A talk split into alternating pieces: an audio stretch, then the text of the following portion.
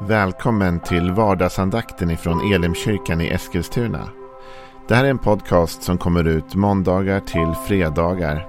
Om du vill veta mer om vilka vi är, vad vi tror på, hur du kan komma i kontakt med oss eller vad vi kan erbjuda dig för någonting så gå in på www.elimkyrkan.com. Du får jättegärna gå in och likea vår Facebook-sida. Det är facebook.com elimeskilstuna. Eller så söker du upp oss på YouTube och då söker du på Elimkyrkan Eskilstuna. Vi vill jättegärna komma i kontakt med dig. Men nu lyssnar vi till dagens andakt. Då är det tisdag och vi är fortsatt inne i allmänt lite halvt oroliga tider i vår värld. Eh, och eh, finns mycket fruktan och oro som sprids. Jag pratade med mina barn bara häromdagen. De hör saker i skolan, de blir oroliga liksom. Och man måste försöka ge lite lugn och ro. Och det här med fruktan är någonting vi ska prata om just den här veckan. Därför det finns såklart någonting gott med att vara förnuftig och inse när det kan vara fara och inse att vara genomtänkt och agera smart i lägen. Men det finns också någonting som fruktan gör med oss som inte är bra när den förlamar oss och när den gör oss alltför oroliga och ger oss ångest och nöd och skräck kanske till och med. Men Bibeln har mycket att säga om, om just fruktan och rädsla. Och Jesus ger oss väldigt mycket faktiskt både konkreta råd och eh, tydligt förhållningssätt till hur vi ska tänka. En av Bibelns mest upprepade fraser är faktiskt Var inte rädd. Sen står det i Lukas 12 och vers 22. Och jag läser en undervisning som Jesus har och så lyfter jag ut några saker ur den. Och till sina lärjungar sa han, därför säger jag er, bekymra er inte för hur ni ska ha mat att leva av eller kläder att sätta på kroppen. Livet är mer än födan och kroppen mer än kläderna. Tänk på korparna, de varken sår eller skördar. De har varken förrådskammare eller lador, men Gud föder dem. Och hur mycket mer värda är inte ni än fåglarna? Vem av er kan med sina bekymmer lägga en enda an till sin livslängd? När ni nu inte ens förmår så lite, varför bekymrar ni er då om allt annat? Tänk på liljorna, hur de växer. De arbetar inte och spinner inte. Men jag säger er, inte ens Salomo i all sin prakt var klädd som en av dem.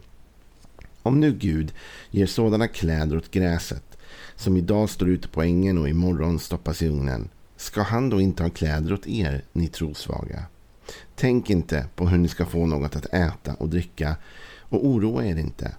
Allt sådant jagar hedningarna i världen efter. Men er far vet att ni behöver allt detta. Sök istället hans rike, så ska ni få det andra också. Var inte rädd, du lilla jord. Er far har beslutat att ge er riket. Sälj vad ni äger och ge åt de fattiga. Skaffa er en penningpung som inte slits ut. En outtömlig skatt i himlen dit ingen tjuv kan nå och där ingen mal förstör. Ty där er skatt är, där kommer också ert hjärta att vara. Här talar Jesus främst nu om saker och kläder och mat. Inte om krig i första hand. Och ändå är ju allt sånt här relevant även i våra tider. Vi har haft liksom, både statsminister och andra finansminister kommer gå ut och, och ha presskonferenser och prata om hur ekonomin kommer påverkas och vad man förväntar sig att kommer hända med både den ena räkningen och den andra. Och hur det ekonomiska klimatet påverkas av detta. Och det kan ju komma en oro hos många människor. Hur ska min ekonomi påverkas? Mitt liv påverkas av detta? Men Jesus ger oss några fantastiska nycklar till hur man ska hantera rädsla och fruktan överhuvudtaget i den här faktiskt. Han säger ju till exempel att vi inte ska oroa oss i den här texten. Och oroa er inte, säger Jesus. Okej, okay. lättare sagt än gjort. Men hur ska jag tänka då? då? För då är det första Jesus ger oss som ett praktiskt råd i den här undervisningen. Det är faktiskt att inse att vi, vad vi kan och vad vi inte kan påverka. Det är faktiskt någonting som kan lugna oro. Han säger, vem av er kan med sina bekymmer lägga en enda an till sin livslängd? Vad Jesus menar med det är att det finns saker som du inte kan påverka. Det finns saker du inte kan göra någonting åt. Så att det är ändå inte värt att lägga all din energi på att oroa dig över sånt som du inte har kontroll över. För han säger också så här faktiskt. När, I vers 26. När ni nu inte ens förmår så lite. Varför bekymrar ni er då om allt annat? Jesus hjälper oss här att förstå att, att, vi, att oroa sig och bekymra sig över saker som är totalt utanför ens egen kontroll. Det är inte alltid nyttigt.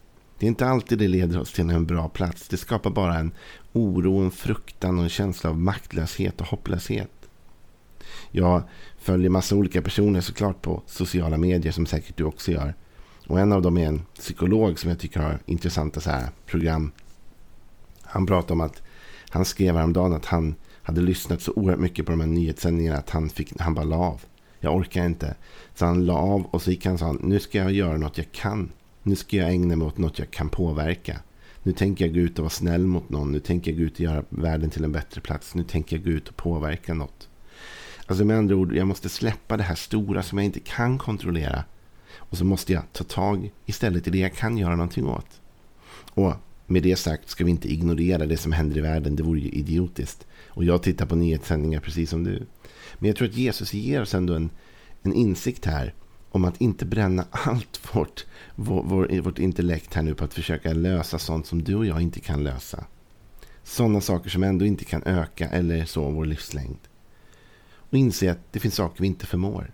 Det är ju faktiskt en av de böner man ber i det här tolvstegsprogrammet. Ni vet den kända sinnesrobönen. Att Gud ska ge en kraften då att inse vad man inte kan förändra. Och sen mod att förändra det man kan. Och inse skillnaden där. Alltså det finns saker du och jag inte kan göra någonting åt. Jesus börjar med det här. Ni kan ändå inte göra något åt vissa saker. Ni måste lita på Gud. Och Gud gör sitt jobb. Här talar faktiskt Jesus om att Gud tittar på naturen, tittar på fåglarna. De som varken spar i förrådskammare eller lador, men Gud ger dem mat. Tänk på liljorna hur de växer. De arbetar inte och de spinner inte, men Gud gör dem vackra och ger dem sina kläder i alla fall. Så Jesus säger du ska, måste ta det lugnt. Oroa dig inte över det du inte kan påverka. Lita på att Gud har kontroll över allt. Titta på hur Gud tar hand om skapelsen, naturen, djuren och lita på att han även kommer kunna ta hand om dig. Så du och jag måste få bort blicken från oss själva och sätta vår blick på Gud. Vår fader i himmelen som är den som faktiskt försörjer för oss. Och med det sagt så är det inte så att Jesus här säger att vi ska inte ha sparkonton eller lägga undan. Jag tror på sånt. Det är smart att både pensionsspara och kanske spara på andra sätt och lägga undan och vad man nu gör. Men man måste också inse en sak och det kanske vi inser i sådana här oroliga tider i världen. Att det där kan försvinna det med. Och allt är inte så stabilt som man tror. Och då tänker du så här, men Joel, nu skulle du ta bort fruktan och inte göra mig orolig här. Att det inte spelar någon roll att jag har sparat en massa eller lagt undan en massa. Vet du vad? Du behöver inte vara rädd, men du ska ha din tillförsikt inte i det du själv åstadkommer, utan i det Gud ger dig. Vet du, det finns en vishet i förvaltarskap. Och Bibeln talar om förvaltarskap och jag tror på det. Jag tror på att kunna lägga undan, spara undan och vara klok med sin ekonomi. Jag försöker göra det och tänka på det. Men jag vet också att ytterst sett så är min försörjare Herren. Det är han som ger mig maten, kläderna, drycken. Och om allt mitt kapital skulle försvinna så vet jag att min far i himlen tar hand om mig i alla fall. Han har omsorg om mig. Så här säger Jesus, men er fader vet att ni behöver allt detta. Alltså min himmelske far vet vad jag har behov av. Jag var ute igår och handlade mat. Och vet att när jag gick i mataffären igår så skulle det inhandlas lite ny frukostmat. Och jag visste precis vad som behövde köpas till mina barn. Därför jag vet vad de äter till frukost varje dag. Och de äter olika saker allihop typ. och jag vet vad de gillar och jag vet vad de vill ha. Och jag vet vad det är slut på och inte. Det är liksom min uppgift som pappa va? att ha koll på de där grejerna. Och jag tänker så här på samma sätt när jag går igenom livet. Gud har koll på mig. Han vet vad jag behöver. Han vet vad jag gillar också. Han vet när jag behöver det. Han fyller på mina förråd. Ibland känns det som att det tar slut. Men Gud har koll. Och han ger mig det jag behöver när jag behöver det. Och jag behöver inte oroa mig över det. Utan jag kan förlita mig på att Gud är med mig. Jag kan ju inte garantera dig vad som kommer hända i världsläget just nu. Och jag kan inte garantera dig vilka konsekvenser Sverige kommer gå igenom eller inte. Kanske blir stora konsekvenser, kanske inte blir så många. Jag vet inte. Men det spelar ingen roll ur ett perspektiv, för det jag vet är att Gud är med oss. Och om Gud är med dig och mig, vem kan då vara emot oss? Den som har gett sitt liv till Jesus och tagit emot honom i sitt hjärta har ändå sin herde med sig och kan lita på att Gud kommer försörja.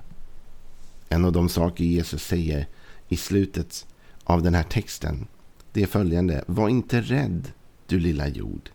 Er far har beslutat att ge er riket. Och här knyts mycket ihop. Ett, Var inte rädd. Två, Du är en liten jord. Förstå att din kraft är begränsad. Förstå att du kan inte allt och det är inte din uppgift att lösa allt. För det är när vi känner att vi måste ta tag i allt, lösa allt, klara allt. Då vi känner oss maktlösa, det är då vi känner fruktan komma över oss. För vi känner att jag klarar inte det här och hur ska jag reda ut detta? Var inte rädd du lilla jord. Er fader har beslutat att ge er riket. Med andra ord, du har en stor far som äger ett rike. Och detta rike har han redan beslutat att ge till dig. Så du kan koppla av. Du kan vila tryggt i att Gud har det här under kontroll.